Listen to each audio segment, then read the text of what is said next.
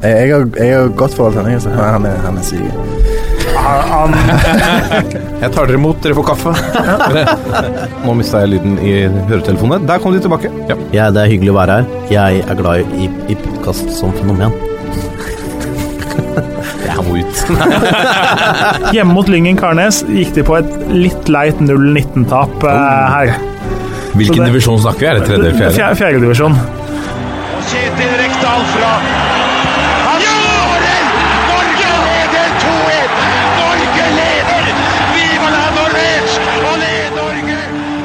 Og der er eh, toppfotball tilbake igjen. Det har eh, gått eh, et par dager siden slaget om Nord-Norge, og vi er midt inne i må kunne si en av de beste sesongene til Bodø-Glimt på veldig veldig mange år. Det er fortsatt kamp om seriegullet, selv om de nå ligger fem poeng bak. Stemmer ikke det? Jo.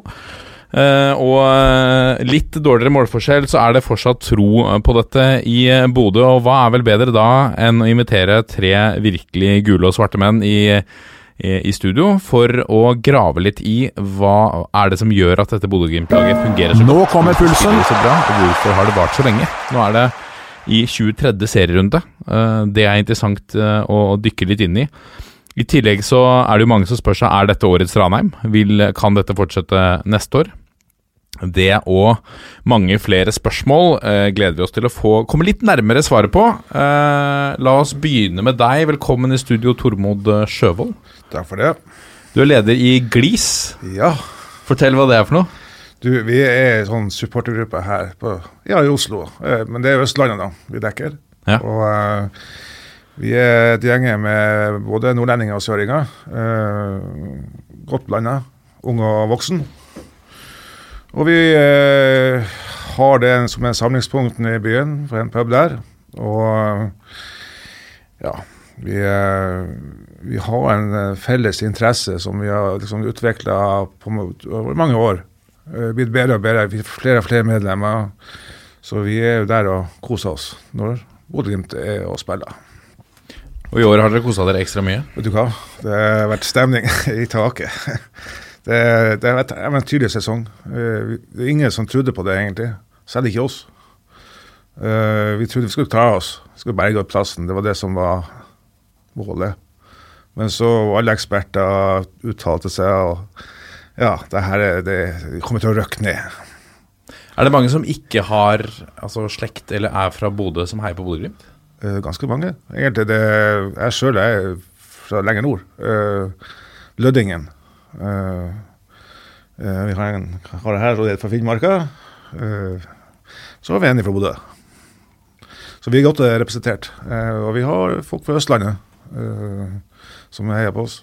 Og, Merker du noe flere, noe større tilstrøm av, av fans eh, nå som resultatene, og spillet ikke minst, ser ut sånn som det har gjort i år? Det er klart det er naturlig. Altså, det, vi har noe som heter medgangssupportere, selvfølgelig. Eh, men vi ser på medlemsmassen, vi, vi øker stadig vekk nye medlemmer. Eh, hva vi har i dag, Per i dag så har vi rundt 70 betalende medlemmer. Og det er en økning på ja, Jeg tror vi har økt ganske mye det siste, siste året. Så at vi er, vi er veldig pop populære blitt. Vi, og Bengt Eriksen sa det så tydelig nå på kampen på søndag som var, at Bodø-Glimt er et lag som er lett å bli begeistra over. Og det er jo sant. Vi spiller en fotball som er helt utrolig. Absolutt.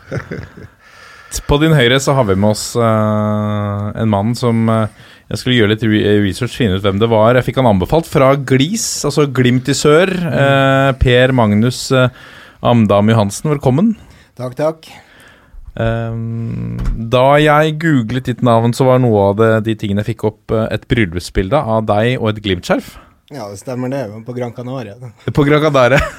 Er det vanlig kutyme blant, eh, blant, eh, blant Glimt-supportere?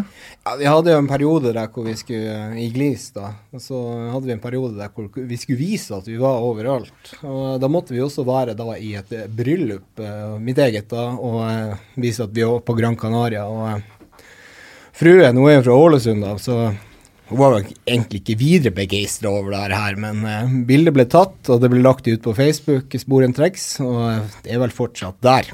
Det var der jeg fant det. Så, Ja. så hun, men hun eh, var ikke frista til å dra fram et Ålesund-skjerf, da? Nei, hun hadde ikke det. Nei. Jeg var eh, smart var nok like til å ta henne med. forberedt. Det er snakk om å være forberedt og være der hvor kamelen er. Med oss har vi også deg, Øystein Parelius. Ja, vel, takk for uh, invitasjonen, skal jeg si. Jo, um, du må snakke rett inn i den. Ja, snakker vi rett inn i mikrofonen sånn. Sånn, ja. Hva er ditt forhold til Glimt, Øystein? Du er jo fra Bodø. Ja, nei, jeg er jo vokst opp i Bodø, og uh, forhold til Glimt det er jo et, det er jo et kjærlighetsforhold, nær sagt, eh, med, med opp- og, og nedturer. Det er jo det er ingen som gjør meg så glad som Bodø-Glimt, og det er ingen som gjør meg så sint som, eh, som Bodø-Glimt eller uh, dårlige dommere som dømmer Glimt. Eh, så det, så det, det er høye topper, lave daler. Hvor mye preger det livet ditt? Nei, altså det kan jo potensielt ødelegge en hel uke. Eh, En hel uke? Ja, hvis noen sier Gamst Pedersen, så flyr jeg i flint med en gang. Så det, Ja. så Hva er grunnen til det, grunnen til det da? Nei, Jeg vet ikke om du så uh, slaget om Nord-Norge 16. mai i, i fjor, men uh, Gams Pedersen lå vel nede i 42 av de 45 minuttene i andre omgangen der. og Han var vel en periode der han lå nede og holdt seg til hodet, og dommeren blåste av kampen. og Det ser du i reprisen, det er jo ingen som er i nærheten av hodet hans. Så det er liksom eh, Ja, det, det, det, er en, det er en type fotball som jeg ikke står for og ikke er enig i, og det, det er kynisk, rett og slett. Blir du forbanna? Reagerer du på samme måte hvis noen på Bodø-Glimt ville gjort det samme? Ja, jeg gjør det. For det, det er ikke noe jeg vil at eh, folk skal assosiere, assosiere Bodø-Glimt med. Det er liksom eh, Nordlendingene har aldri stått med, med lua i handa. Vi, vi spytter i neven og gjør jobben sjøl, og det, det er litt sånn det skal være. Vi skal Hår på kassa og gå i krigen. Jeg snakka med dere før helga. Da var vi alle forberedt på at dette kunne være en veldig lystig samtale, eller det kunne være en veldig kjedelig samtale. Fordi eh, Kjedelig hadde nok eh, kanskje ikke blitt uansett, men det kunne være en, en litt tristere samtale. Fordi på søndag så var det slag om Nord-Norge. Dette er jo kamper som lever litt sitt eget liv. Eh, det, denne kampen hadde også et, eh, et liv. eh, hva, skal vi, hva skal vi si? Det tok ikke lange tida før det kom en scoring der. Bodø-Glimt vant 4-0. Hvor mye betyr det for, eh, for, for, for dere, Per Magnus? Den betyr jo alt. Altså, den kampen her Altså, i de årene som vi har liksom ikke hatt noen medalje å spille for, eller noe annet, da, så er jo kampen mot Tromsø det viktigste som skjer i sesongen. Både 16. mai og den bortekampen da, som kommer naturlig nok på høsten.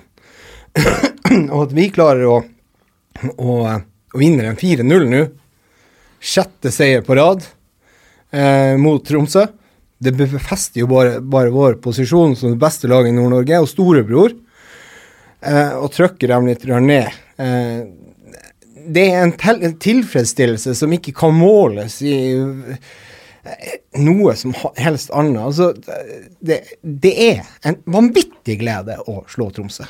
En, eh, og, og samtidig så er det jo da, når vi taper, så er det jo en Ja, da ødelegges hele uka. Kanskje også flere uker.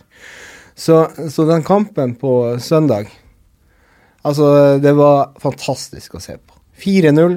Vi rundspillere kunne, ha- kunne ha vunnet kanskje 8-0, eh, og eh, det er ingen som kunne sagt noe på det. Og nei, det er helt nydelig. Ja, Kongshavn er jo Tromsø sin beste spiller, selv om han slipper inn fire. Riktig. Og selv om han skulle vært utvist òg. Eh, Du bare flirer, du, Tormod. Fornøyd og glad etter 4-0 mot Tromsø. Du så kampen på, på puben til Glis. Ja. Hvordan var stemninga der? Du, det var eh, helt magisk. Det var jo som eh, Alle rett før kampen og sånne ting Nå skal, vi- skal vi slå Tromsø, nå skal vi liksom ta det her. eh». Og så skikkelig forsatt oss, så går det ett og et halvt minutt, og så ja. Og så er resten historie. Altså det Det å se laget altså, nå har vi hatt noen kamper på rad hvor det ikke har vært helt på topp og noen uavgjorte og greier. Men eh, Og da se at vi er tilbake på det sporet vi vet at guttene kan, og da er det så deilig. Det, det Man blir jo Tårene renner og, og blir jo helt slått ut. Og det, jeg kom deg ei tåre eller to mot Ja, eh, Tromsø? Ja. Det gjorde jeg. ja. Eh, jeg satt helt fremst. Jeg, alle så på meg, men jeg, jeg kunne ikke føle det. Eh, Jeg prøvde å skjule det. Jeg gjorde det. Jeg stor og tøff. vet du. Når var sist eh, du felte en tåre da for Bodø-Glimt? Det var vel eh, forrige seier. For seier? Ja, nei, jeg er litt sånn lettrørt. Eh, Jeg er det. Jeg, jeg må bare innrømme det. Det tror jeg de som kjenner meg, og de som eventuelt hører på det her, de, de, de kan ikke Ja, det er sant. Jeg kan sitte og se på TV og ja, ja. Jeg er litt håpløs der. Nei, det, vil jeg, jeg, jeg, det vil jeg jo absolutt ikke si. Altså, det, det tyder på at du bryr deg veldig mye. Da. Det, er, det er jo de supporterne man ønsker seg. Det er jo mye følelser, kan du si. Og, og det her med Bodø-Glimt, det er jo en, en, det er, det er identitet, rett og slett. Og det har med identiteten å gjøre. Kan si, når, når ting går bra, så er vi, du veldig fornøyd, og du blir rørt, og du Ja. Så det er jo der det ligger. Det er hjertet, rett og slett. Det er som Haltan sier i låta, vi har tørka tårer av og til besvimt. Det stemmer. Og eh, i år så eh, har det jo vært positivt. Ja, men det er jo litt det han Tormod sier om identitet også. Det er jo, det er jo på en måte der egentlig Bodø-Glimt eh, har samla hele landsdelen. Og det er jo også derfor eh, Per Magnus fra Finnmark og, og Tormod fra Lofoten heier på Bodø-Glimt. Det er jo fordi at man i, i 75 gjorde noe som var umulig. Eh, og det var jo på ei tid eh, Selvfølgelig, jeg har jo ikke opplevd det sjøl, men det sto jo billettmerka 'Nordlendinger trenger ikke søk' på både husleieannonser og jobbannonser. og det er liksom det har liksom vært litt Bodø-Glimt mot Røkla, og, og, eller Nord-Norge mot Røkla tidligere. Og, og Bodø-Glimt har på en måte vært eh, den, den kultfiguren som man trengte, kanskje. Som var litt det håpet om at jo da, vi kan også være best. Og det tror jeg betyr mye for hele landsdelen. Ja, det var jo selvrespekt som ble bygd opp i 1975, men det kan jo Tormod snakke kanskje litt mer om i, i forhold til hvordan folk så på nordlendinger før og etter den cupfinaleseieren. Uh, ja. Si det, det hadde ikke lett, eh, Bodø-Glimt den tida der. Kan si før 75. Og, men så kom det inn noen spillere, og kom det inn noen, uh, en legende inn Bodø-Glimt. Eh, med han eh, Harald kom jo inn, og han Dutte. Harald Berg. Ja. Og han har liksom lagt igjen av både innsats og avleggere. Ikke minst Ja, avleggere. Så, eh, men jeg, ja, det stemmer jo det. det jeg synes jeg, kan si, på 70-tallet. Uh, Hybel til leie, men ikke til nordlendinger. Altså, nordlendinger var jo uglesett. For vi var jo fæle i språket. Vi sa forskjellige ord. og det, det likte ikke søringene, for å si det sånn. Så det, de har kjempet en hard kamp, og da når man har noe å kunne samles om, så ble det bygd sakte og sikkert om at det her, at med, her med Bodø-Glimt For det var det er mange av oss som reiser nord, nord, nord, sørover fra Nord-Norge. Og måtte begynne å jobbe. Uh, og da fant han noe å kunne samle seg om, som er en identitet. Og uh, det er jo ikke alle som liker fotball, ikke alle som liker Bodø-Glimt fra, fra nord, men mange gjør det. Og de som gjør det, de har en spesielt forhold til det. Hvis jeg, hvis jeg skulle uh, blitt interessert i, i fotball nå og skulle velge meg et lag, hvorfor skal jeg velge Bodø-Glimt eh, fremfor Tromsø? da? Ja, det er bare å se på tabellen. Det er jo Nei da, nei da, det kan jeg si vi, Jeg vet ikke. Eh, jeg har fulgt begge leirer. Kan jeg måtte ha en sønn har en Du har jo tatt det valget. Ja, jeg har tatt det, kan jeg si. Jeg har en sønn, så jeg, jeg har sett miljø, miljøet til Tromsø her sørpå. Isberget sør. Eh, ja, de er fine folk og alle sånne ting, men de har ikke den entusiasmen som vi har. Det er noen noe, noe forskjeller uten å kunne sette finger på noe. Så er det, du merker det med en gang at det er en helt annen stemning eh, blant, eh, blant eh, Bodø-Glimt-supportere. Men jeg tror hvis du skal, skal velge et lag i dag, så er det jo spillestil. Bodø-Glimt spiller jo attraktiv fotball. ja, det har de jo- gjort mange år. Ja, det, det har jo alltid vært gøy å se Bodø-Glimt. Det jo på en måte Enten så har vi jo Enten så har vi sluppet inn fire mål, eller så har vi skåra fire mål. I år så er det jo mest det siste. Men, eh, men det, er jo, det er jo litt sånn Spiller litt langs med bakken. eh, er kombinasjoner som sitter mens Tromsø har jo vært litt sånn gampeball, som jeg kaller det. Sånn eh, ballen opp og bollen opp og frem. Ikke sant? Ett ut, og så en spiss, og så løper de på duellen bak, og så ser de hva som skjer. Mens Bodø-Glimt har en identitet, det er en, det er en spillestil, og, og liksom, det, det er liksom, det er liksom eh, ja, det, det er mer attraktiv fotball, bare, rett og slett. Ja, og det har jeg jo. Så jeg har jo en del kompiser som er veldig anglofile. Eh, og har fått tilbakemelding nå eh, etter at de har sett litt grann Glimt, og så sier de at det er faktisk artig å se norsk fotball. Og da, har jeg, da mener de Bodø-Glimt. Eh, og, og det har noe med det du snakker om, Øystein, at, at det går fort langs bakken. Vi produserer, vi har et pasningsspill også som eh, der det ikke er feilpasning konstant. Eh, og det har eh, Altså, Knutsen har jo gjort en kjempejobb der. Eh, og eh, det virker også sånn at når vi putter inn forskjellige Altså andre eh, i, andre posis i, i, i samme posisjoner, da, så, så virker de til å kunne videreføre det her. Så eh, det kommer vi kanskje litt tilbake til. Men jeg er ikke så bekymra for egentlig neste år heller, selv om vi skulle selge. Eh, selv om vi også nå har solgt eh, Håkon Evjen. Det skal vi komme litt tilbake til. Det er en veldig spennende diskusjon. Vi skal ikke slippe slaget om Nord-Norge helt ennå, fordi at da vi gjorde lydsjekk her i stad, Øystein, så eh, glimta du til med en, en og annen Tromsø-vits. Som eh, Altså, med fare for å, å, å støte noen her, så er det vel sagt med glimt i øyet, men det Ja, bokstavelig talt med, med glimt i øyet. Absolutt. Ja, det er jo, det er vår eh, gamle venn Fitis Asemi, eh, som nå spiller for Tromsø. Han har trøye 77. Så er det jo noen eh, For han spilte for. Glimt i 2017-2016. 16 og vi røkka ned. Ja. Eh, Dere var glad i han da? vi var kjempeglad i han. Eh, men han spiller jo nå med, med 377 i Tromsø. Og vet dere hva det står for? Nei. Ja, det er jo så mange dager han var utenlandsproff. Ja, ikke sant. Ja, det har jo flere. Hvor mange, mine, hvor mange sekunder tok det før en Evjen spiller gjennom Sinkernagel? Det var vel 77, det. Ja, det var rundt 77. Fantastisk.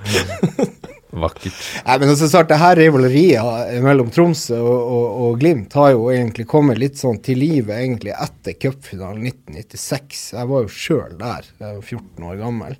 Eh, jeg reiste fra Vadsø. Eh, det er ganske langt fra Vadsø til Oslo. Eh, det jeg reiste med, det var et gjeng med TIL-supportere, og så var det én Bodø-Glimt-supporter i tillegg til meg. Eh, jeg lærte meg alle sangene til Luksus leverpostei utenat eh, på den turen. Og eh, alle, dessverre, Tromsø-sangene. Vi, vi kommer ned til Ullevål. Vi leder 1-0, Runar Berg Henser. Og så, så blir det jo da Han får jo lov å gå gjennom hele feltet, og vi leder 1-0 til ganske langt ut i kampen. Og så kommer det en corner, og så skårer, blir det 1-1. Alle sammen belager seg på ekstraomganger. Eh, jeg blir jo spotta litt på tribunen, men eh, jeg, jeg tenker jo at vi holder ekstraomganger, og det her blir kjempespennende. Og så kommer da siste corneren, og der er det et bisbarn fra Vadsø. Sigurd Russfeldt går opp, kjenner jo han. Stanger ballen i mål, og Tromsø vinner 2-1. Det er kanskje den største skuffelsen jeg har opplevd. Eh, og eh, I livet? ja, det blir jo kanskje det. Altså, vi, altså det var så Altså, du står der alene, og, og jeg har ingen uh, som egentlig syns synd på deg heller. Jeg står på TIL sin tribune, jeg står der jubles det rundt meg, og får noe spyttklyse rundt omkring, for jeg har jo da også sagt en del rundt, ting rundt under kampen og ropt litt allerede som 14-åring, som var ganske stor i kjeften. Men uh, den skuffelsen der tar jeg med meg videre, og kjenner jo da at Altså, det fotballrivaleriet som var Som er mellom Bodø-Glimt og Tromsø, starta i hvert fall, som jeg føler, da. Mm. Før det så var det kanskje litt sånn Vi er to nordnorske lag, men da begynner det her det trøkket som, som, som vi opplever i dag, ikke sant. Og, og sånn skitslenging. Jeg syns det er bra at vi har det òg. Jeg, jeg syns ikke det at Tromsø-supportere skal ønske at Glimt skal ta eh, seriegull. Jeg, jeg syns ikke det. Jeg, jeg synes det er rett og slett altså, Jeg hadde en kompis av meg som nå skrev på, på Facebook-veggen min at ja, dere var best i dag og håper dere tar seriegull. Men altså Der er ikke jeg. Og der syns jeg heller ikke Tromsø-supporterne skal være, for vi skal ha det rivaleriet. Du finner ikke en Liverpool-supporter som skriver til eller en United-supporter eller omvendt at eh, jeg håper det motsatte laget tar seriegull. Så, eh, men det er mange som har den. Det var ikke alle Tromsø-supportere som var like fornøyd eh, Altså naturlig nok med resultatet. Det var det ene, men det var en som var eh, ble veldig støtt av maskoten deres. sin behandling av en isbjørn, som jo er maskoten til Tromsø. Eh, kan dere fortelle litt om hva som, hva som skjedde her? Nei, det må jo være helt innafor, syns jeg. Det er jo bare altså, For meg så er det jo humor. Altså, det er jo, det, det er jo ikke noe ondt meint. Altså, det, er jo- ikke sånn at han putter når han drar og slenger Putte som er deres maskot? Ja, Ja. vår maskot er en bie. Um, vet ikke hvorfor. Hvor, Bodø-Glimt nei, hvor kommer det fra? En bie? Ja, det vet vi jeg, ikke. jeg vet Hvor, og hvor kommer tannbørsten fra? Det er mange ubesvarte Ja, spørsmål her. Tannbørsten det har vi svaret på, men Ja, bia det vet jeg ikke. Nei, Det er jo kanskje det at bia er gul og svart og angriper i flokker. Jeg vet ikke. Det, Det, er jo, det er jo en søt bie, da. Den, er jo, den ser jo ut som en liten teletubby, eller hva man skal si. Og den, eh, den er jo eh, Jeg holdt på å si eh, snill og god, og så, og så får den kritikk. Forgrep seg på den isbjørnen? Ja, for en Ja. lille altså, det, Han gikk jo bare tur med han. ja, Ja. det er jo kanskje det, er jo kanskje det, det artigste bildet fra, fra Aspmyra i helga. Det er han Putte som har bedt deg et Bodø-Glimt-skjerf rundt eh, hodet på, eller rundt halsen på, på isbjørn, og så, og så går tur med han eh, som om det, det er en hund. da. Og det er jo og det, det, det, Jeg syns det må være lov å være litt cocky. Altså når du er Hvis du har en kompis på besøk og du knuser han i Fifa Altså, Det må jo være lov å si ifra. Jeg er best. Mm. Det, er jo, det er jo bare det han Putte gjør. Det er jo ikke noe Og det er det ene, men hvis du har to nordlendinger på besøk, og den ene slår den andre, så må det i hvert fall være lov å si at den ene er best, tenker jeg da. Ja, altså det er jo Ja. Absolutt men sant, nå har jo vi vært eh, Glimt eh, For min smak så var jeg jo livredd eh, etter at vi har kjørt det showet opp mot eh, flyplassen. Plakater 'Velkommen, lillebror', Nord-Norge stolthet står det med store bokstaver i, i ankomsthallen på Bodø lufthavn. Eh, har, det har vært store ord i avisa, vi er mye bedre enn dem. Eh, Jo, men til og med Tromsø-journalistene har jo sagt Ja. at Glimt er bedre ja, men det, det tror jeg også de har gjort fordi at de ønsker å motjinxe det her. her. Altså, det er vill favorittstempelet, psykologi i det hele. Ja, men det, vi har jo på, trykk på gress, gressmater på sida. Nord-Norges hovedstad. Det, er, eh, det, det likte jo ikke de oppe i Troms noe særlig når vi trykte den.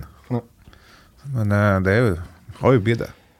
Vi skal eh, besvare mange spørsmål og ha mye gode diskusjoner, men nå er det rundens øyeblikk. Dette er toppfotball. Og Da er vi kommet til rundens øyeblikk, og Tormod Sjøvold, vi begynner med deg. Hva har du plukka ut? Det er jo ikke sånn overraskelse at det, det er jo fra siste kamp nå på søndag. Ja. Det er jo til Bodø-Glimt uh, sin fordel. For å si det sånn, det når vi klarer å skåre etter et ett og et halvt minutt, eller 77 sekunder, som det var nevnt her tidligere, så eh, da, det bare da eksploderte hele stemninga i Da supporter jeg i Oslo. Og, og så det bare tok helt av videre. Så akkurat den første skåringa, det var et øyeblikk for meg. i hvert fall. Kom en liten tåre da i Ja, ja, det gjorde det. Ja, det gjorde det. Må innrømme det. Per Magnus, vi skal vel uh, kanskje til samme kamp, eller? Nei, vi skal ikke det. Uh, vi hadde jo uh, Altså, det her er jo en sånn, litt sånn negativt rundens øyeblikk for en Glimt-supporter. Det er jo Vi fikk, fikk jo retta det opp ganske tidlig, etter 77 sekunder uh, ut i den andre kampen. Men så satt jeg og så på Molde mot Lillestrøm. Her har du Lillestrøm leder og Molde utligner. Klokka begynner å gå. Vi er på 93 minutter på overtid. Dommeren har lagt i 93 minutter, men det er kommet et innbytte, og da skal han jo legge til 30 sekunder til. Det kommer et innlegg, og Molde, eller det er Lillestrøm, som skårer et selvmål. Og den frustrasjonen som er i kroppen etter at du da sitter og venter på at dommeren skal blåse, og det er 1-1, og Molde har tapt to poeng, og vi kunne potensielt da bare vært to poeng bak Molde.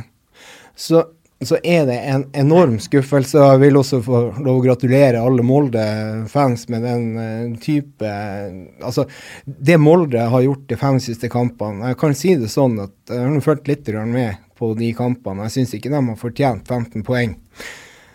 Og, eh, men det, det, det, det gjen, Du eh, gjenkjenner en seriemester. Ja, er det ikke litt Dessverre. symptomatisk? Det er Det er en symptomatisk. seriemester som vinner på Altså, en seriemester vinner ofte på dårlige dager. Riktig. Og jeg syns ikke Molde har vært så, så god de siste eh, fem kampene. Og det har vært mange avgjørelser som kanskje har gått i deres, eh, vippa i deres favør. Og eh, nå er det jo et lite håp. Men det begynner å svinne, svinne altså. Når Molde også klarer å avgjøre på overtid på den måten som de gjorde.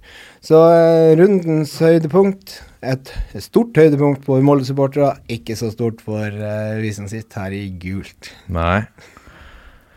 Øystein Parelius, hva Nå tok jo vi egentlig ditt, ditt eh, store øyeblikk da med denne med bikkja, eh, eller med isbjørnen i, i hundebånd eh, her tidligere. Men, eh, men du har kanskje flere på, ja, på vi har flere. Det er altså eh, sier eh, slaget om Nord-Norge som var i helga, det er en julegave som bare gir og gir. Um, så vi kan jo ta frem han han Runar Espejord som, som står der, og, og det, det er noe herlig tragikomisk over hvordan han slakta seg sjøl og eget lag, og egentlig også hiver treneren under bussen når han sier at det, halve laget spiller på én måte, halve laget spiller på en annen måte. og da da også sier det jo kanskje litt om hvorfor Tromsø ikke har vunnet de siste ni kampene også. og det er jo, For meg må de tape de, de siste syv år, for min del. Uh, men, uh, men, men det intervjuet han gjør, det, det gikk på repeat på mandag. Jeg lå og var litt bakfull. Det var, det, var, det var medisin. Det var helt nydelig. Kan jeg få lov å sitere Runar Espejord? Ja, ja. Han sier jo det at når du tror at ikke det kan gå verre, så kommer TIL rullende inn på banen. Det er, jo, det er jo fantastisk. Det er poesi. Det her bør jo egentlig produseres opp i, eh, i flygesedler og leveres ut. Fantastisk. Nei, det er et eh, Og det må jeg si, da. Det må, det må jo dere Glimt-supportere fortsette å egle opp til. Det, vi, vi trenger jo disse rivaloppgjørene, disse Altså, disse, disse kranglene. Denne hva skal vi kalle den, denne bitchinga litt fram og tilbake. ja, det er jo så lenge det Det er kun holdes verbalt, så er det jo bra. Absolutt. Trenger absolutt ikke å bli helt italienske tilstander med, med hammere og, Overhodet er, ikke. Ja da, vi, skal, vi er jo sinne nordlendinger, ikke det? Ja, det blir noen grunn. Dette er toppfotball. Og så har vi jo eh, Vi må benytte anledningen Altså, vi, vi skulle hatt mye lengre tid når vi først har har eh, noen fra, fra Bodø-Glimt og, og Nord-Norge her. Eh, hvor eh, hvor overraska er du, Tormod, over at du er invitert til en podkast på Østlandet? For det er ikke så mye østlendinger eh, ofte som eh, verken skriver eller prater om eh, Bodø-Glimt. Før i år, da. Nei jeg ble jo Hæ? sa jeg. eh, jeg er litt overraska kan jeg si, men det er også eh, ikke om jeg nevnte det i sted. eh, Han, eh, han Hva heter? Han er kommentator, han Bengt Eriksen. Ja, det, nei, Bengt Bengt Eriksen. Ja. Han sa under kampen, for han var med- var som sidekommentator, eh, kampen på søndag, da. Bodø-Glimt er et lag som er lett å bli begeistra for. Og det er, det er noe i der. Uh, vi har vist en fotball som kanskje ikke folk her sørpå har sett på lenge. Ref. Uh, hovedstadslag og sånne ting. Uh, så det, det, det tror jeg at eh, Etter han kom seg sjøl, så er det veldig på tide at vi kan bli litt mer tydelige. Vi kan få litt mer spalteplass, litt mer podkaster kanskje, eh, om oss. For vi er et herlig gjeng. Ja. Og det skrives jo ikke så mye. Nå, nå er det jo kommet litt mer eh, Det blir jo litt mer oppmerksomhet nå med disse resultatene, men, men, eh, men altså Hadde, hadde Vålerenga ligget der oppe, hadde eh, Ja, altså Vålerenga er et godt eksempel. Det skrives, det skrives mye og menes mye og prates mye om Vålerenga, uansett hvor de ligger på tabellen. Ligger de midt på, så, så, så får de masse uansett. uansett. Sånn som nå. Ja, men jeg, jeg har egentlig lagt merke til at det er sånn som VG eh, De skriver om Bodø-Glimt nesten hver eneste dag nå. Eh, det har ikke skjedd før. Nei, altså snart er jeg jo administrator for uh, en av administratorene for Glimt i sør. Og da har vi jo tidligere kunnet delt alt som er skrevet om Glimt i nasjonale medier. Uh, I år har jeg ikke sjans. Uh, Eurosport kommer jo med tre-fire artikler om dagen. Ja. og det er jo kjempespesielt. Altså, du kan lese om Bodø-Glimt over, over hele linja. Så det det er jo helt klart en helt annen interesse, og eh, det har vi jo fortjent. Eh, så ja. Nei, det, det er enormt. Det, det medieoppbudet, og vi er ikke vant til det. Tormod, du var litt inne på det i stad.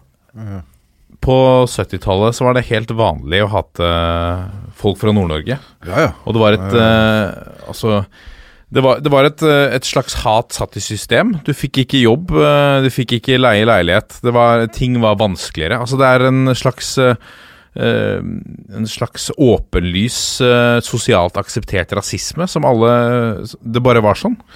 Altså Jobb fikk du kanskje, men det, det var jo Posten. Da. det, de fleste begynte å jobbe i, for Posten trengte mange folk. Men å ha et sted å bo, det var fryktelig vanskelig. Mm. Eh, sakte, men sikkert så, så begynte folk uh, her i Oslo å, skjønne at vi var en, en ressurs, rett og slett. Og vi jobba oss inn i samfunnet. og ja, Med årene kom oss inn i posisjoner som litt høyt oppe i systemene. Og da begynte ballen å rulle, liksom. Uh, vi ble mer og mer akseptert da, som at du er nordlending. Men eh, har ikke så veldig lenge siden jeg snakka til en kar han hørte jeg var nordlending. Han var forbanna. Hata nordlendinger. Så jeg, det finnes ennå. Eh, men det er ikke så ofte som før. Hvor viktig er, hvor viktig har øh, Du nevnte i stad det å samles som ett lag, men det også øh, Altså, vi, vi har vært Siden 70-tallet så har det vært perioder hvor man har fryktet at både Bodø-Glimt og Tromsø skal falle, falle utenfor det fornemste selskapet. Hvor, hvor viktig tror du det er, da? At du har to lag fra Nord-Norge som er helt øverst i, i norsk Det er veldig viktig, spesielt for landsdelen Nord-Norge. Uh, men du skal, du skal jo også gå tilbake til jo, før så vi ikke fikk lov å spille i norske serien. Uh, for da Fotballforbundet mente at uh, de nordnorske lagene ikke var gode nok. Nivået var for dårlig i forhold til de lagene her sørpå. Så det var jo tidlig 70-tall det hadde begynt å gjøre litt om på det. Og det, det viser jo bare hva si, holdninga til mange. I hvert fall den tida. På 70-tallet var fælt, og så ble det vakkert i 75. Eh, eh, så det Og da da det begynte, liksom. Vil jeg tro. I hvert fall når det gjelder fotballen og Bodø-Glimt.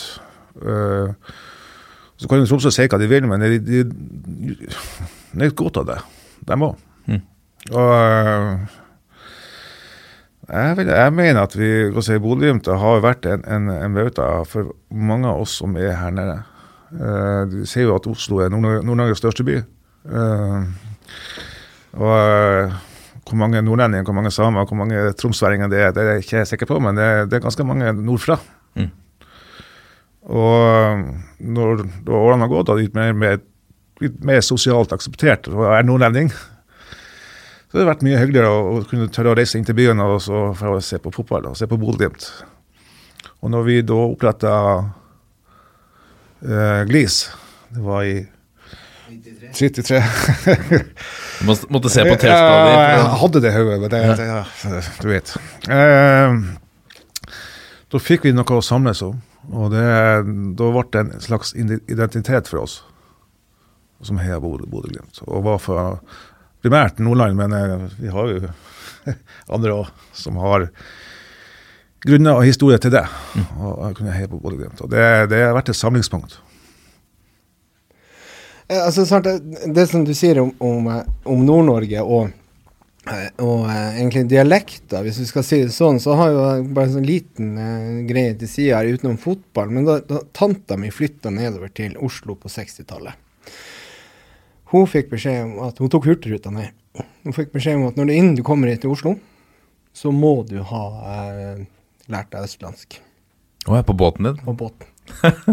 så hun lærte seg faktisk østlandsk på båten, og hadde jo hørt litt på radio og sånne ting, så det var jo egentlig eh, litt innprinta. Men hun, for, for at hun skulle få eh, både jobb og, eh, og leilighet i Oslo, så var det viktig å snakke østlandsk. Mm.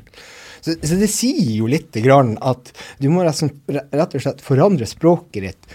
Eh, og, og det, det er jo Jeg syns jo Nå syns jo folk at det er artig at folk snakker eh, nordnorsk. Så Ja, de tar jo etter oss. ja. Eh, ord og uttrykk. og- Ja, det er artig. Øystein, hvordan er det å bo så langt unna favorittlaget sitt, da? Nei, det er jo Det er jo litt rart å ikke kunne gå på, på kamp eh, annenhver helg. Har jo hatt eh, sesongkort i sikkert en ti-tolv år da jeg var, var ung. Eh, men, eh, men det gjør jo at man får jo andre opplevelser. Jeg var jo Sist vi var i Adecco eller Robos, eller hva det heter, eh, så, eh, så var jeg vel på syv-åtte bortekamper. Og det, har jo, det er jo en sjarm, det òg. Og, og Bodø er jo ikke lenger unna. Det er jo selvfølgelig dyrt å ta fly hver gang, men det er jo bare halvannen time med fly. Mm. Uh, så jeg har vært på uh, på fem-seks eh, hjemmekamper i år òg. For at jeg har, vært, jeg har jo truffet med både, både pinse og påske og, og andre helligdager som gjør at det, det kan være fordelaktig å, å legge inn noen familiære besøk i samme slengen. Men, det, men, men det er jo et savn. altså Det er noe helt annet å se, se fotball på stadion. Altså Fotball er best live. Ja, Det det. absolutt. Apropos live, vi er mange som har sett uh, Glimt-supportere vifte med denne tannbørsten. Hva i all verden er det, er det dere har funnet på der? Nei, det, er jo, det er jo fra gammelt av. Uh, men det var jo Bodø-Glimt var vel en av de, om ikke den første klubben i, eh, i Norge som, som hadde sånn organisert eh, supporterkultur med, med felles sanger og sånt. Og, og, og, og myten vil vel til at, eh, at en av de lederne i den klubben hadde vært på Han brukte å gå med, med tannbørste på innerlomma på jakken. Arne Bendiksen. eh, Ja. Nei, eh, Arnulf eh, Arnulf, ja, jeg husker Arnulf ikke. Bendiksen, Ja, ja. Arnulf Bendiksen. Ja. Og jeg vet ikke om han var, hvorfor han hadde den tannbørsten, om det var for å pusse tennene etter nachspielet kvelden før, eller hva det var for noe. Jeg tror det var flere, flere i den gruppa der, supportergruppa, Ja. som disse treffene tok litt tid. Så av og til hadde de med seg tannbørsten på innerlomma. Kan si det, de eh, reiste, reiste lett. De reiste lett, ja. Men, men i hvert fall så, så, så dro han frem eh, den tannbørsten da fra innerlomma og, og begynte å, å, å dirigere. eh, for å få supporterne til til å holde takta. Og, for tone det har vi jo ikke uansett, men i hvert fall å, å, å vise takta da på, på når man skal, skal stå og hoie og synge. Så det blitt ei sånn det, det, det, Vi har jo fått det, det er Jordan som har sponsa de Ja, store altså- tannbørstene og sånt, så det er jo blitt en sånn kult, kultgreie, da. Ja, det var jo Jordan, Jordan plukka jo opp det her, at, han, eh, at han brukte den tannbørsten og sendte da en eh, rød tannbørst i plastikk. En stor en. En rød, ja. Ja. Eh, og, eh, og den ble jo lakkert om, og siden har den jo vært i Glimt-systemet. Tilbake til, eh, til eh, året i år, da. Sesongen i år. Eh, hva, hva har skjedd med, med Bodø-Glimt? Dere, er- dere ble tippet langt ned på tabellen av stort sett samtlige eksperter. Det blir man jo ofte hvis man heter enten Bodø-Glimt eller Tromsø. Hvorfor ligger Bodø-Glimt på andreplass etter 23 serierunder? Vi kan jo ta oppstarten. ikke sant? Øystein, du kan jo ta litt mer om det her med taktikkeriet og den biten der. Der er jo du særdeles faglig sterk. Men sant, altså, her, her har du sesongen i fjor. Vi avslutter med å nesten rykke ned. Vi sitter siste serierunde og egentlig nødt til å ta poeng på Lerkendal. Vi klarte jo faktisk det, og resultatene gikk vår vei. Eh, og eh, det spillet som vi leverer i fjor, eh, det var rett og slett litt dørgende defensivt. Vi var ikke gode nok foran mål. Og eh, det gikk ikke fort nok. Vi traff ikke hverandre på pasningsspillet. Men før sesongen 2018 så hadde vi noen heidundrende treningskamper, bl.a. mot Ålesund, Tromsø. Og der kjørte vi høyt press.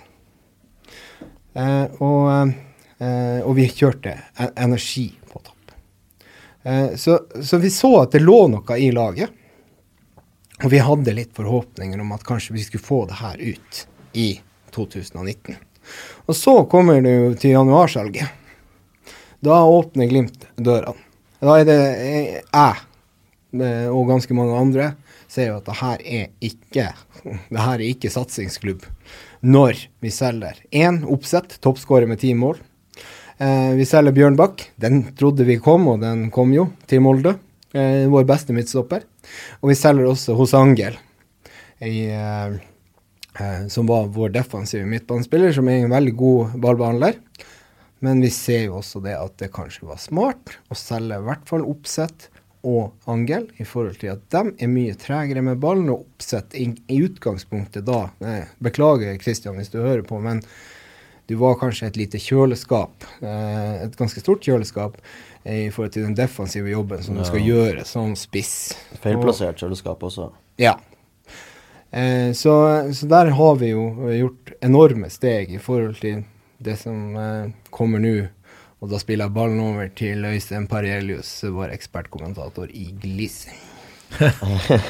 Ja, beære over den tittelen på Magnus. Nei, men det, men det som er den store forskjellen fra, fra i fjor, er jo at man eh, Kollektivet sitt. Eh, og da er jo spørsmålene hva er det som gjør at eh, kollektivet sitter så bra? Hva er det som gjør at, at, eh, at Bodø-Glimt i år vinner kampene i stedet for å spille uavgjort? I fjor så spiller vi jo 11 eller 12 uavgjort. Vi satte i hvert fall rekord i antall uavgjort i fjor. Um, og det ene er jo Patrick Berg. Um, mye, mye raskere i ballbehandlinga uh, enn det hos Angel var i fjor. Hos Angel ble mye spillende tilbake igjen til midtstopperne. Um, mens, mens Patrick Berg det er ofte én eller to touch, og så er det i, igjennom første, første eller andre pressledd. Uh, opp Ja, og så- på Evjen, Saltnes, Sinkernagel, Lajoni, er medløps. Eh, Det er også en nøkkel, at man får med seg ballen medløps. Eh, også når vi ser på hvordan oppsett bevegde seg i, i, i boks i fjor. Ofte alene i boks, og ofte på bakerste stolpe. Så det, så det, det er veldig sånn ufarlig for stoppere og keepere å gå ut og plukke ballen når, når det ikke er duell foran keeper. Eh, og det er jo sånn som eh, jeg tror det er andre målet vårt mot eh, Tromsø i helga. Eh, vi er vel en tre-fire i, i, i boks eller rett utenfor boks, og Evjen på første stolpe, duellen foran keeper. Keeper kan på en måte den, den, Det er jo litt lengre ut i, ut i boks, da, f.eks., men, men, men allikevel, når, når duellen kommer foran keeper, så, så det, blir det ofte farligere enn eh, enn når keeper kan gå utpressa ut og, og, og ta den. Eh, Så nøkkelen er jo flere i boks, det går raskere i lengderetning. Um, og, og vi plasserer oss mer riktig i boks, syns jeg. Um, men, uh, men også samspillet, relasjonene sitt. Uh, skulle det være mot Vålerenga. Uh, Patrick Berg får ballen på midtbanen, det er opp på, på, på Evjen, rett ut på uh, Det er vel Sinkernagel på høyre, tilbake igjen til Evjen, og så slår Evjen på, på bakre stolpe, og der er vel Nei, Evjen skyter, og så er det ballen går til Saltnes, Antiki Taco, som lobber over keeper. Og, det, og det temposkiftet der, det, det er noe jeg ikke har sett i Bodø-Glimt før. Det at man kan ligge litt bak, og plutselig bam, bam, bam, to-tre touch igjennom. Og det er jo både eh, taktisk eh, med tanke på, på relasjoner, inn, innøvde bevegelsesmønster, men også at man har de individuelle ferdighetene til å gjennomføre det. Absolutt. Ja, men snart, altså, ser du jo også det at vi har jo en helt annen kondisjon enn hva vi har hatt tidligere. Vi klarer jo å kjøre kamper på slutten nå. Mm. Eh, og, eh, og i tillegg så har vi jo løpt eh, x antall kilometer i løpet av kampen. Og, eh, og dermed så Nei, det er imponerende det som Glimt har gjort i vinter, og egentlig starta kanskje med også allerede i fjor, uten at vi egentlig så noen resultater av det. Men eh, det er, altså, hvis det er noen som selger hele sentrallinja si og holder på å rykke ned, altså de tre beste spillerne, og så skal du gå på en ny sesong, og så skal du eh, faktisk etter eh, 23 runder ligge an til nesten, altså i, nærheten av å ta gull. Du tror nesten ikke historien. Men det, det jo Det kan man jo kanskje tolke Hvis jeg skal plukke opp litt av det dere sier, da, så solgte dere også Kristian Fardal Opseth som ikke passet inn i den måten som dere nå spiller. Så han har uansett ikke vært den ideelle spissen for den, uh, for den måten dere spiller på nå. Hva, hva uh, Det er jo en kombinasjon her, som du sier, Øystein, av, av individuelle ferdigheter, relasjoner, og at man kanskje vet hva man skal gjøre. da Eh, hvor trygge er dere på at man kan plukke en eller to gutter ut av dette laget, sette inn nye, og så vet de nøyaktig hva de skal gjøre hvis de har ferdigheter? Er system. Ja. Kan se det Knutsen har presentert, er et system. Han har, tro på en struktur som er gjennomgående. Så uansett hvem som kommer inn, de vet hvordan de skal spille. Og det, det, han, han har jo sagt hele tida at jeg, jeg skal få det til, jeg skal få, vi skal få struktur på det her laget. Og det, det er en av de første tingene han sa. Nei, kanskje for å gjøre meg litt uh, upopulær, Altså, jeg tror ikke det å selge Jonny Evjen er noe problem. Jeg tror vi kan selge han Saltnes også, ikke noe problem.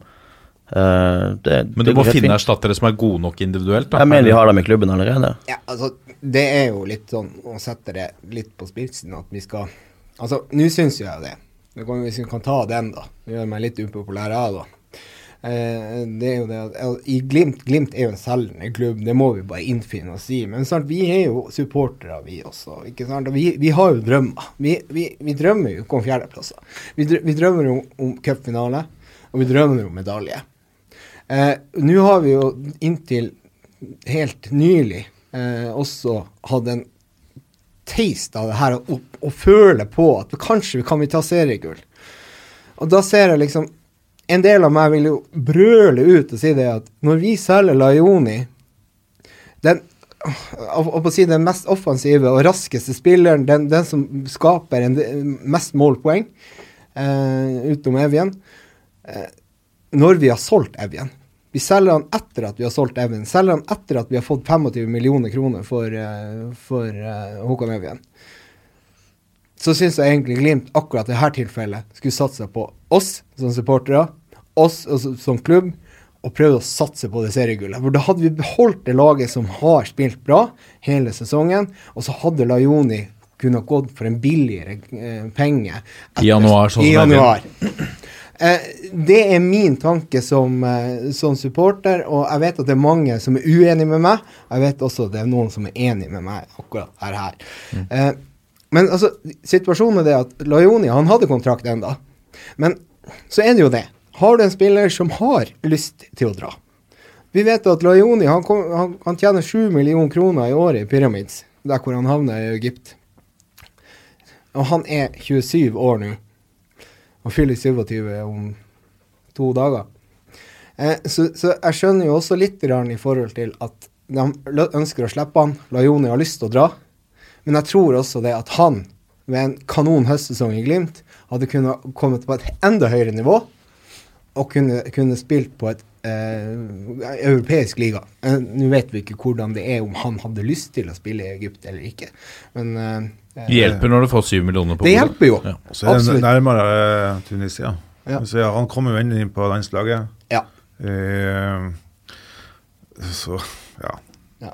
Nei, men sant, altså, du, har, du, har jo, eh, du har jo også det at, at han har spilt for eh, Knappa og glansbilder i, i Elverum og i eh, delvis Bodø-Glimt. Eh, Ja, for det er jo den frykten altså Vi kan ikke klandre Lajuni. kan man ikke Nei. Det er sjelden man kan klandre en spiller for å gå utenlands. eh, Fordi Uh, Man kan jo prøve seg å kritisere Ole Selnes altså for å gå til Kina, men det er klart når du kan sikre hele fremtiden din og fremtiden til altså hele familien din, hvis det er det Så, så vi har jo sett eksempler på som spillere som venter, og så får de en skade, og så er det ferdig. Eh, Øystein? Ja, men, jeg, men, jeg, men jeg tror, jeg tror eh, Selvfølgelig er jeg jo enig med deg, Per Magnus, uh, at det hadde vært deilig å beholde Lajoni og gått for gullet. Men jeg tror ikke Glimt hadde uh, solgt Lajoni om de ikke visste at det var spillere i klubben som var klare for å ta steget opp. Og Jeg tror Jens Petter Hauge, spiller med X-faktor, en annen type spiller riktignok, men, men ser Jens Petter nå mot eh, Det er jo en grunn til at han har kommet inn og spiller 22 av 23 kamper, men bare én kamp fra start. Det er jo for at han er en type spiller med X-faktor, får ting til å skje. Han skårer mål på de få minuttene han har fått. Og også Evjen også kunne gå opp på venstrevingen der, kjøre en Konradsen inn på midtbanen som indreløper, eh, som har vært veldig god når han spiller, bortsett fra kampen mot Ranheim. Skåra mål mot Rosenborg, skåra mål mot uh, Mjøndalen borte. Så jeg tror det at Bodø-Glimt så det at vi har spillere som fortsatt er i stand til å, til å levere på et skyhøyt nivå. Og, og derfor kan vi slippe Lajoni nå når muligheten er der. Og man fikk jo pressa opp prisen ganske mye den siste dagen der. Absolutt. ikke sant? Vi får, vi får en del penger, og egentlig sånn sett så er det jo greit. Eh, altså, da, da har, men da har vi jo også eh, det at Hauge trenger litt tid. Det så vi mot TIL. Eh, vi har en angrepstrio der som, som eh, Sinkernagel er helt enorm.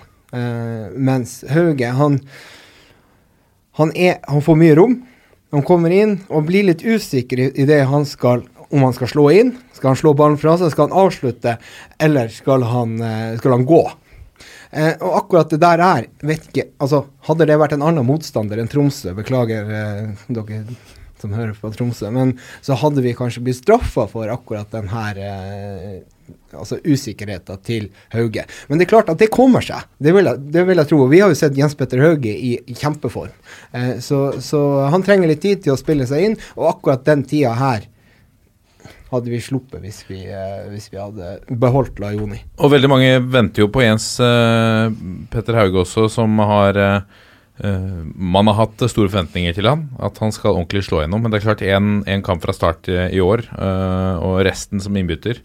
Det, det, det, er jo kanskje litt tillit der. da Kanskje dette er Han trengte et, eh, et mer tydelig system, sånn som han har fått nå. Et mer tydelig spillesystem, hvor han vet hva han skal gjøre for at han skal få det ut. For, for de individuelle ferdighetene som du har snakket med, Øystein, de er til stede hos eh, Hauge. Ja, de er absolutt til stede hos Hauge. Han er, han er, han er en type Jeg vil egentlig si litt unorsk spiller. veldig lavt tyngdepunkt. eh, teknisk begava. litt frekk i spillestilen. Jeg husker han var, han var vel 16 år når han husker han på, oppe på Ullevål stadion tilbake i 2016, må det jo være. Han, han herja jo med, med, med Vålerenga-backen da han kom inn. Og, og det, det er litt sånn den uh, Derfor fikk han en egen sang. ja, altså han gjør jo som han vil. Um, og, og, og, og jeg tror det at for at han skal få ut potensialet, så er han nødt til å få den tilliten som han er bevisst nå. Eh, det er jo det samme med han Patrick. Folk satt jo i fjor og, og krangla med meg. Jeg var, jo, jeg var jo i harnisk i fjor for at han Patrick ikke fikk ny kontrakt. Og, og folk på, på Twitter skjønte ikke hvorfor. Eh, hvorfor. Fordi at han Patrick hadde jo bare spilt dårlig. Ja, men det er når du får fem minutter her og der, så, så presterer du ikke. Altså, du, du er nødt til å få tillit over tid for å, for å levere. Og, og jeg tror det er den tilliten eh, Kjetil Knutsen og Åsmund Bjørkan nå viser Jens Petter. Jeg tror det er det som skal til for at han slår igjennom. Det virker som de har erstatterne klare allerede på kort sikt. Hvem eh, Har dere noen bak i rekken da som blir den neste Håkon Evjen, f.eks.? Som, Ja. ikke vi, som ikke vi vet like mye om? Jeg vi, kan, vi kan jo ta en som, som, eh, som har, fikk korsbåndskade rett før sesongen nå. Det er jo Boniface, eller Boniface. Jeg tror det er Boniface. Det er for Boniface. Han er 18 år, han er stopper, han er sterk som en bjørn. Eh, når jeg så han komme ut på mot Tromsø nå, så så det ut som at de andre guttene i, eh, var småguttespillere. Der har du et fysisk berg. Han eh, kom til to avslutningsmuligheter. Er enda litt rusten i eh, avslutningsøyeblikket, men du så med en gang at han hadde både rykk, han hadde plasseringsevne, og han har styrke til å, til å gjøre det her. Så, så der tror jeg kanskje at det kan være vår neste utenlandsimport. Og det er jo eh, skrevet i stein at hvis du spiller spiss for Glimt, så blir du solgt til utlandet. Og det kan vi jo bare liste opp. eh, Seneste vi solgte til utlandet, det var Geir André Herrem, 32 år, 31 år. Ja, og så har vi jo han eh, Asemi.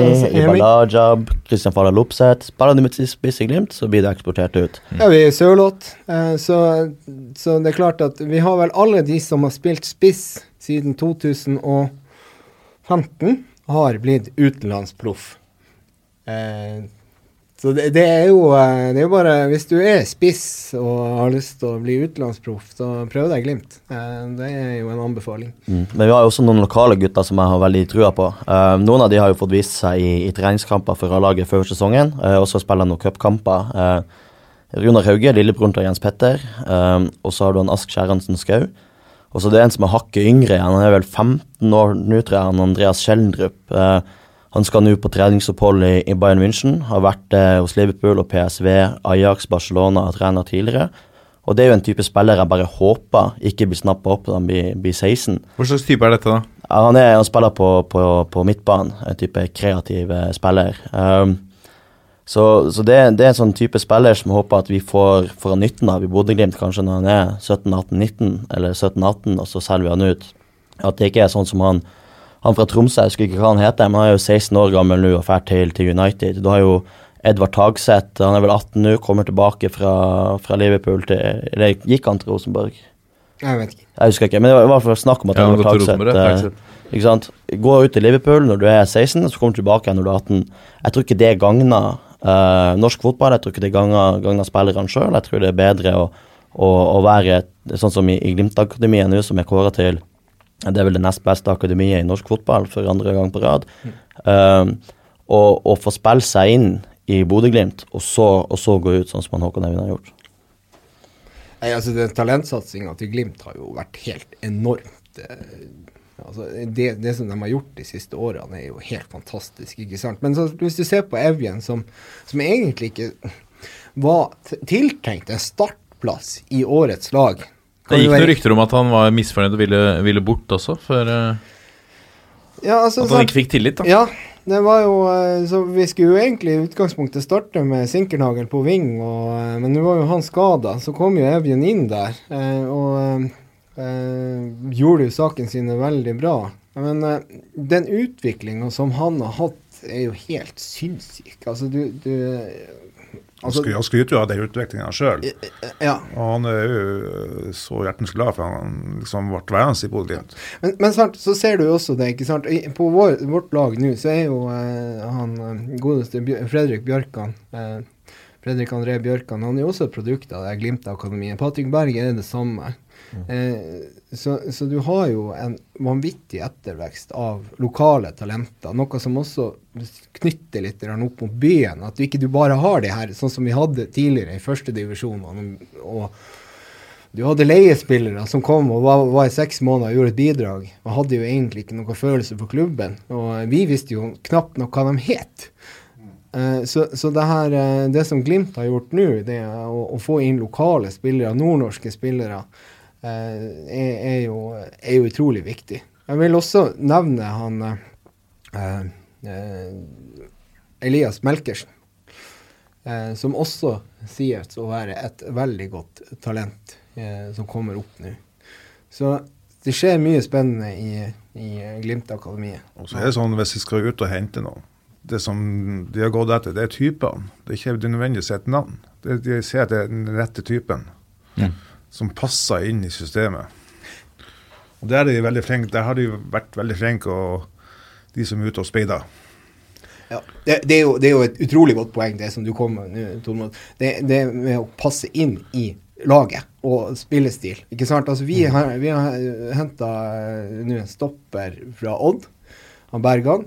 En veldig god duellspiller. Han har eh, en god fot der hvor han kan slå langt. Men han er ikke god nok til å føre ball og, og tre gjennom ledd, eller gå gjennom ledd sjøl. Han er ikke god nok i ballbehandlinga. Og en sånn type stopper er og er kanskje feil, men vi kjøpte Vi måtte ha en stopper som skulle være backup. Og eh, han har utvikla seg. ja, men altså sant, eh, det er ikke den type stopperen som, som kanskje er, passer inn i Glimt. Vi håper jo det, at han skal få ja, mer potensial ut der. Men det er en lang vei å gå der når du eventuelt kanskje hadde passa bedre i f.eks. Lillestrøm. Tormod Kjetil Knutsen har fått mye skryt for det også her i dag i, i studio. Eh, du har sett mange trenerpersonligheter i Bodø-Glimt eh, gjennom dine år som supporter. Hvem er de største, da? Trond Sollia var jo bra for oss. Eh, altså, de var jo kanskje bra, mange av dem. Halvorsen til sin tid. Men jeg vet ikke eh, Vi har jo leita etter den, eh, de som har ideene om den kontringsfotballen som vi presenterer i dag, da. Så jeg vet ikke om vi har hatt de rette typene før vi nå fikk inn Knutsen. Eh, jeg var jo sjøl litt sånn mot Knutsen. Hvem, hvem, det? hvem er det? Og det Jeg kjente ikke til han når han kom til oss. Men du verden, han har en filosofi som er Ja. Som, Hvis, hvis jeg ikke husker feil, så ble han fryst ut i han Veldig populær i Åsane, der han kom fra. Ble fryst ut derfra fordi de ønsket et større navn på trenerbenken. Og det gikk jo ikke akkurat helt uh, som de kunne tenkt seg. Hvor, eh, hva, hva tenker dere om det, når dere ser hva han får til nå? Har dere selv vært uh, Har du selv vært skeptisk til Knutsen før, uh, før du fikk se resultater, Øystein? Jeg må, jeg må vel eh, få lov til å innrømme det. Uh, ute på, på høstsesongen i fjor, når vi kun spilte uavgjort Vi så ikke de, det spillet som hadde sett i, i treningskampene. Uh, Bodø-Glimt hadde jo en voldsom utvikling før, før fjorårssesongen. Men, men så var det liksom når serien starta, så gikk man tilbake igjen til å, til å spille sånn som vi gjorde når vi røkka ned sist gang, i 2016. Uh, og da ble man jo veldig frustrert. Man måtte ha sett en rivende utvikling gjennom, øh, gjennom Obos-ligaen. Uh, rivende utvikling gjennom de treningskampene, og så når serien starta, så gikk man tilbake igjen til gamle synder. Um, men men jeg, jeg fikk veldig lyst til å skyte inn Øystein Gåre som er et navn vi snakka om tidligere Bodø-Glimt-trenere. Det han gjorde med Bodø-Glimt på tidlig 2000-tall, det han gjorde med, med Norge U21 uh, det, det var jo noen som tilskrev uh, den, den, den EM-bronsen Norge U21 tok i 2013, var det vel. Det var jo folk som tilskrev Øystein Gåre det, for det var han som hadde gjort arbeidet i årene før og laga den stallen, den spillestilen som de var innprenta i de. Så det, det vil for meg som, som en yngre Bodø-Glimt-supporter alltid være kanskje eh, den største treneren jeg har sett i, i min levetid. Hva er deres beste minne som supporter, da? Tormod? uh, beste minne? Ja, der var jeg litt sånn uh, uforberedt, egentlig. Men uh, det er jo det er Vi jo- kan la ballen gå videre, så kan du tenke ja, litt. Ja, Per Magnus, det var snakk om en busstur her tidligere. Ja, den bussturen. Ja, det, det er jo en del bussturer. En blusstur, ja. ikke bluss. Det får vi ikke lov til lenger. Da får vi bot. da får vi bot. Nei da, men det er ikke så eh, Altså, Hvis du skal ta eh, sånn beste minne, så er det jo, så er det jo en del eh, eh, Altså, sant, Du har jo cupfinalen 2000 eh, 1993. men Da var jeg 11 år, og det var forventa at vi skal, skulle vinne den kampen mot Strømsgodset. Og eh, vi vinner 2-0. Så eh, så der var det liksom ikke den der sinnssyke gleden. Men det jeg husker, egentlig, hvis du skal, skal ta den her helt euforiske stemninga, der hvor flagg og ta, skjerf og alt går i lufta, og du kjenner at det eksploderer, og du ser stjerner, det er jo da eh, mot Odd på Aspmyra. Jeg var også nede i Skien og så, eh, så den kampen. eh, Det er kvali kvalifisering 2007 mot Odd. Eh, hjemme borte. Var nede. Vi vinner 1-0 eh, på, eh, på bortebane. Og så tar vi imot Odd med fullsatt stadion i, i Bodø. Og Forventningene før det kvalikkampen var litt lavere, for vi hadde tatt 4-1 på bortebane. Lurer på om ikke det var, var det mot Sandnes Ulf eller, eller Hødd. Eh, og alt var Nei, det var Sparta Sarpsborg, når de het det. Ja. Så tapte vi 4-1 borte mot eh, Sparta Sarpsborg før denne eh, kvalikkampen. er full. Trond Olsen setter i gang løpet sitt på venstrekanten og banker ballen i mål og springer 90 meter og bare stadion eksploderer. Det er 1-0, og så kommer 2-0. Det er en fantastisk stemning i byen, og det var eh, Jeg drev jo da Rema 1000 på Tverlandet, og vi hadde Vi åpna ikke akkurat tidsnok dagen etterpå. For det var ingen som våkna opp eh, tidsnok dagen etterpå. For den, det opprykket der er, var helt enormt. Det var, det var en sinnssyk følelse i, eh, i byen. Eh, og, og det var kanskje det største minnet sånn rent adrenalinsmessig. Altså det, det er helt ubeskrivelig, egentlig. Så, og så har du jo da målet til Håkon Evjen mot uh, Mjøndalen borte.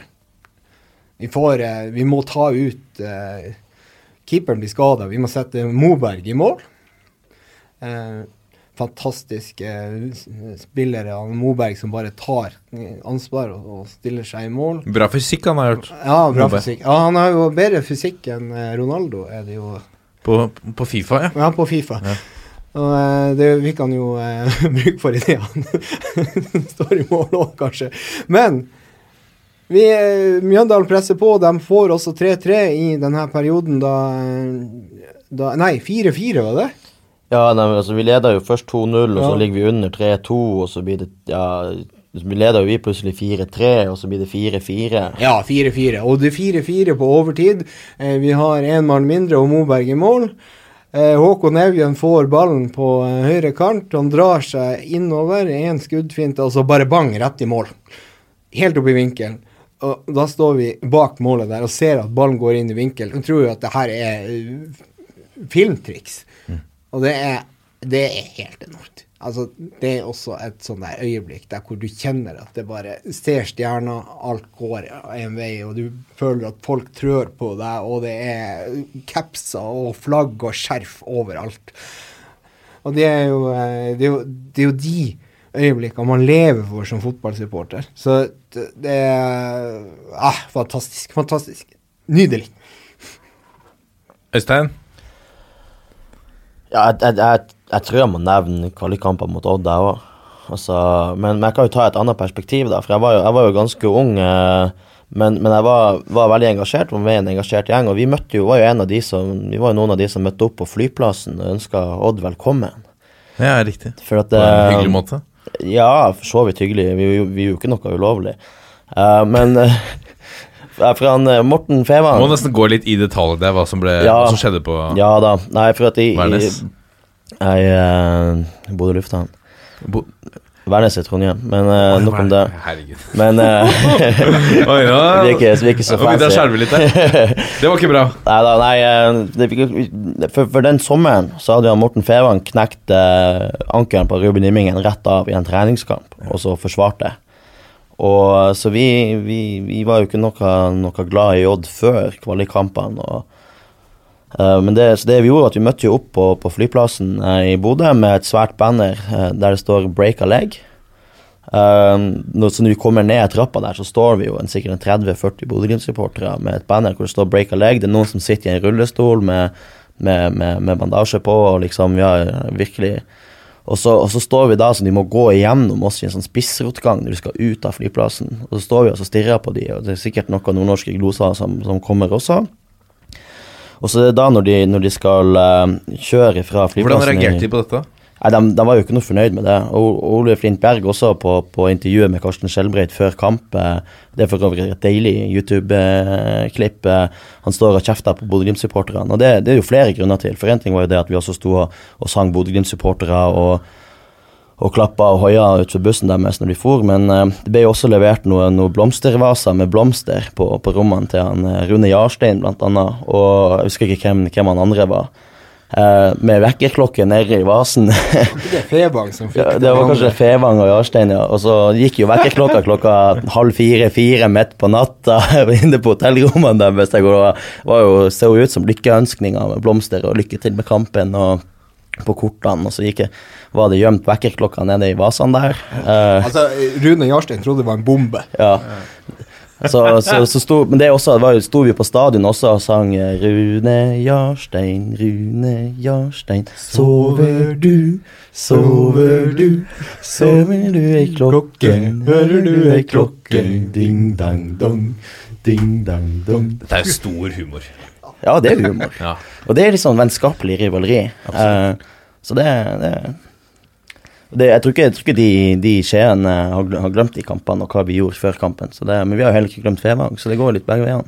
Det var jo, nå, er, nå er han jo en av Tysklands beste keepere, men det var jo på den tiden hvor han, eh, han ofte virket som han sovet litt for lite, sånn humørmessig. Ja, han skulle jo hatt rødt kort i den første kampen, så er det bare rettferdig at han ikke fikk sove før kamp to. Kanskje, kanskje det var flere som fikk den ideen med vektlokka? Ja, det det Kan det. være. Apropos historier, jeg hørte eh, så vidt dere snakket litt om eh, Runar Berg her eh, før vi gikk på, lufta, at det er en god historie når Runar Berg var i et, et bryllup midt i sesongen. Er det noen av dere som kunne tenke dere å Ja, altså Runar er jo en fantastisk mann. Han har, han har gjort alt for Glimt. Han har spilt Han har klubbrekorden i antall kamper så lenge vi har klart å telle. Og, eh, eh, og gjort mye for Bodø-Glimt. Spilte jo gratis også. Han har spilt gratis en sesong. Stemmer det. Ja, halve sesongen var det. Men, ja. Ja. Run Runar var jo også en, eh, en fyr som, eh, som har eh, ganske bra forbrenning. Eh, og eh, han var jo da i et eh, bryllup. Det var Ole Arvid Langnes som i sin tid var reservekeeper i Glimt. Og var, Runar var invitert og hadde det gøy i bryllupet, for å si det på den måten. da. Men det, bakdelen tenkte jo kanskje de fleste at det var kamp mot Odd dagen etterpå. Odd igjen, faktisk. Eh, så så den, det, var, det var vel ikke gitt at Runar kom til å være toppform den kampen der. Men Runar han har jo vanvittig forbrenning, og det her gikk jo strålende. Han skårte to mål og var banens beste etter å ha vært på eh, hyggestund eh, til langt på natt eh, i bryllupet til Ole Arvid Langnes. Nydelig. Det er noen som liksom klarer det, og andre som virkelig ikke har sjans. Ja, det, jeg tror ikke jeg hadde klart det, men eh, all ære til deg, Runar. Har dere noen andre gode, gode Glimt-historier, da? Eller gode røverhistorier om Bodø-Glimt eller, eh, eller lignende som, som dere sitter og ruger på? Skal vi ta han? Vi må jo ha finlenderen vår med. Så. ja, Ville Letinen. det var treningsleir. Ja, det var treningsleir. Var det La Manga. Det var La Manga. Ja. Det var God, La Manga-historie er vi glad i her. Ja, ja, du liker Ja, La La ja, ja. Manga. ja. Nei, Østjen, skal du eh, Jeg vet ikke om hvem som er best på den, men kan jo skyte inn. Uh, Bodø-Glimt er jo på, på treningsleir på, på La Manga. Det er det jo flere lag som også er, blant annet Leicester. Uh, og, uh, og så blir det jo litt sånn oppstyr der nede på La Manga. Det har vært uh, Jeg vet ikke hvor, hvor villig eller ufrivillig den den sexpassiaren med, med Det var jo i, i, i britisk tabloider med, med liksom De anklages som Leicester-spillere som har vært Ja. Uh, og så, så står da Ville Letinen fram. I had sex with that woman. Uh, I britiske tabloidpresse. Forsida av The Mirror. Ja, forsida av The Mirror. Ville Letinen I had sex with that eh, woman. Så går det vel en dag eller to, så kommer det da på forsida igjen. Uh, I did not have sex with that man.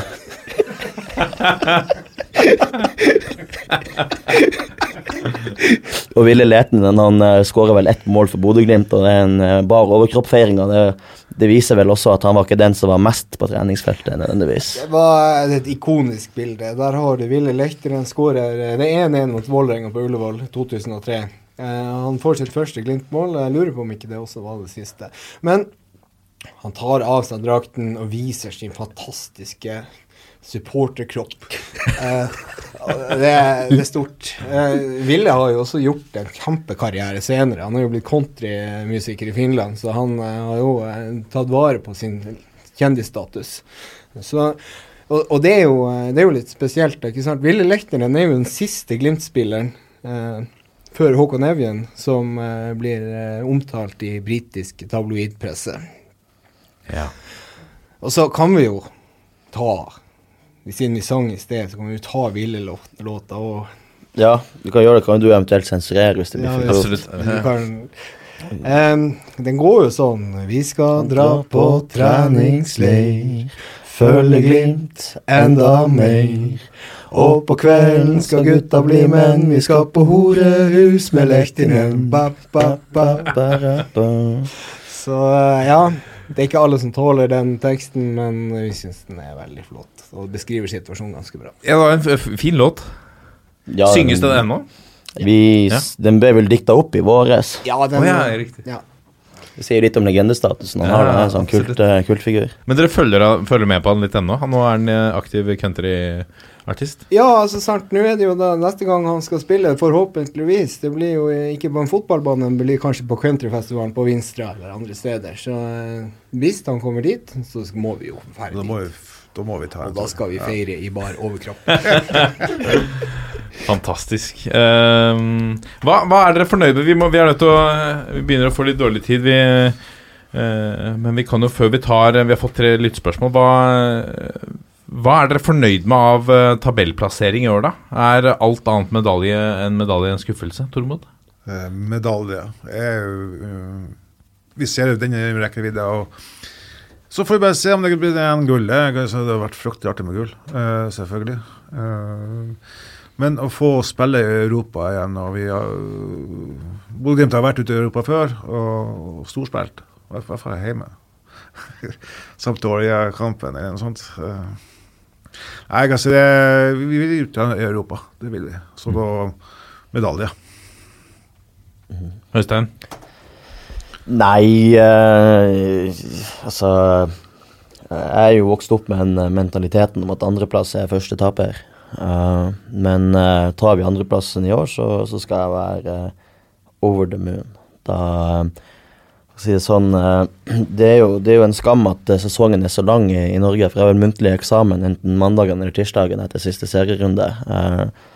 Men beklager, mamma. Jeg tror hvis det blir medalje, så Så ryker, ryker den. jeg skal, ikke si, jeg skal jo møte opp på muntlig eksamen, men vi får se hvordan det går. Har du forbrenning som Runaberg, så er det ikke noe problem. ja, det er vel ikke akkurat kjent for å, for å ikke møte opp, i hvert fall. Det, Per Magnus? Ja, altså sant, hvis det er noen som har spurt meg før sesongen eh, eh, Tar Glimt fjerdeplass i år, så hadde jeg begynt å lure på hva- om han hadde, hva han hadde drukket. Eh, eh, Glimt, hvis vi tar fjerdeplass, så blir jeg kjempeskuffa. Altså, da, da, da må jeg si det. Altså, Med utgangspunktet vi har nå, at vi ligger på andreplass, og vi er Ja. Jeg vil si, så lenge vi kommer foran Rosenborg ta, ta, på tabellen, eh, og jeg regner med Rosenborg tar medalje så da må jo det bli andreplass. Og så hadde det vært artig å ta Molde igjen. Og som sagt tidligere, så har ikke Molde fortjent 15 poeng på de, eh, de fem siste kampene. men altså, tenk det antiklimakset, da. Siste serierunde, Aker stadion, Molde-Bodø-Glimt. Ja. Det kan bli Altså, Kan bli Vi håper at det skal være spenning da. Hva tror vi er spenning da? Dette er toppfotball. Vi har fått inn noen lyttspørsmål. Vi har allerede besvart eh, noen allerede, bl.a. fra vår faste bidragsskytter Sindre Taule Sandstå, som lurte på salget av Lajoni og Evjen. Så vi kan gå videre til spørsmål fra Petter Ødemark på Twitter. Blir det pyro når dere tar medalje? For pyro er eh, eh, Der har det vært i, i vinden i det siste. Ja, det var jo en liten episode nå eh, på søndag også som var totalt unødvendig. Eh, der ble det fyrt av to bluss, eh, og eh, det ene blusset tok fyr Altså, tifoen tok fyr. Og det her er jo strengt talt ikke lov. Det er, det er ikke lov, og det er rett og slett en sånn håpløs oppførsel eh, i forhold til eh, i forhold til pyro. Så nei, jeg tror ikke det blir pyro når vi får medalje, for da er vi ute hvis vi får medalje. For da får vi ikke lov til det. Eh, For jeg tenker at NFF kommer til å legge inn en straff til oss. Og de to som eventuelt De som var bak den pyroen, bør tenke litt på det der. At det var ikke smart. Ja, men nå nå er vi inne på blir det pyren når dere tar medalje. Altså, det er sikkert en eller annen som går uh, rogue og fyrer en pyro, men da kan jeg si nei, ikke gjør det. Uh, ta det utafor stadion eventuelt, eller et, gjør det i hagen din, eller noe sånt. Det, altså, bare, bare ikke gjør det på stadion. Det blir liksom så dumt å, å skulle straffe resten av Bodø-Glimt-supporterne eh, med, med ulovlig bruk av pyro. Det er jo mange, det er mange supportere som eh, Altså flere jeg også snakker med, som også har har en mottak, f.eks., som har spiller inn i dette, i dette studio, som er Lillestrøm sin uh, podkast. Der er det jo eh, det snakkes det veldig varmt om, om eh, pyro. Og dere er ikke så eh, det, det må gjøres i kontrollerte former. Jeg er jo for pyro, eh, og det setter jo en fantastisk stemning på stadion. Eh, men, men også er jeg jo en Jeg liker å følge regler. Det er en grunn til at reglene er der. Og, og, den kampen mot, mot Odd som vi snakka om tidligere i sendinga, eh, så var det jo pyro. Det var jo bare det at det var på et eh, dertil egnet område med nødvendige sikkerhetstiltak eh, til stede. Og, ikke og ja. Det var søkt om lov og lov og fått aksept. Og jeg er jo heller ikke imot pyro. Jeg syns det er en fantastisk stemningsskapende ting. Men når du begynner, å bryte, bryte de reglene der, og egentlig går utover sikkerheten til publikum, sånn som det var egentlig på Aspmyra nå, så, så det blir det gærent. Ja. Så tar vi et spørsmål fra Arthur Sæther, som lurer på hvor mye betyr det å miste Norges kanskje beste fysiske trener midt i sesongen? Og Da snakker han om Ørjan Nygaard. Nygaard, som uh, har, forsvinner ut portene på Aspmyra. Ja, det, Ørjan Nygaard er jo helt klart en veldig stor del av den suksessen som uh, Glimt har hatt i år. Uh, han har fått kostholdet på plass. Eh, han har uh, trener, og Spillerne har fortjent på individuelle styrker. Eh, de har fått oppfølging på en god måte. Og jeg tror Glimt spiller et sjansespill nå med å ikke ansette en ny eh, fysisk trener istedenfor Ørjan Nygaard.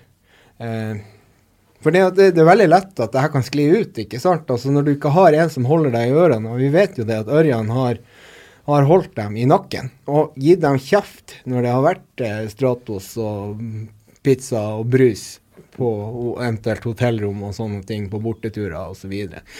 Så, så Så jeg tror det, at Glimt spiller et ganske høyt spill i forhold til å ikke ansette en ny eh, fysisk trener. Jeg vet at det er folk som, eh, som er kapable til å ta jobben, eh, og eh, har lyst til å gjøre det. Og da syns jeg Glimt skal gripe sjansen.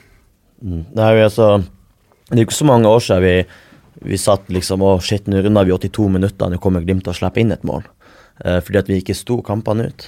Eh, og, og også sist vi var i Obos, eh, så det var jo da virkelig eh, det havskjøret til Norge starta.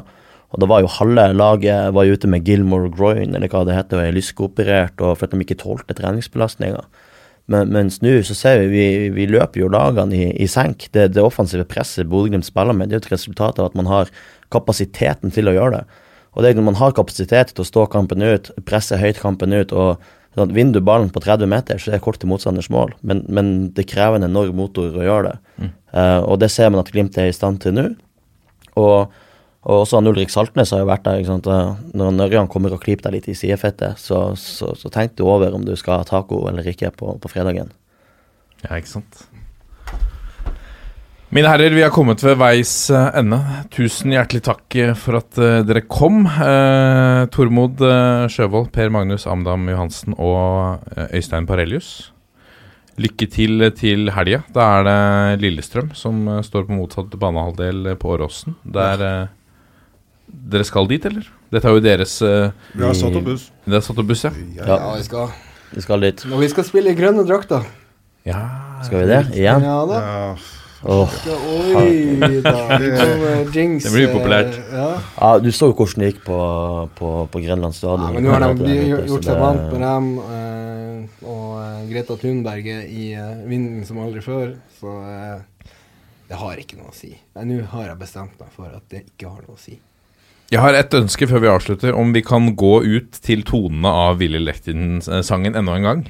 Ja, det kan vi få til.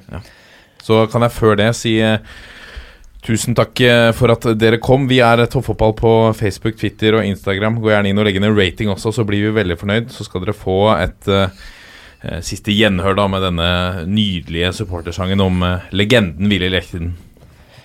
Vi skal dra på treningsleir, følge Glimt enda mer. Og på kvelden skal gutta bli menn, vi skal på horehus med ba, vi skal dra på treningsleir, Følger Glimt enda mer. Og på kvelden skal gutta bli menn, vi skal på horehus med Lettinen.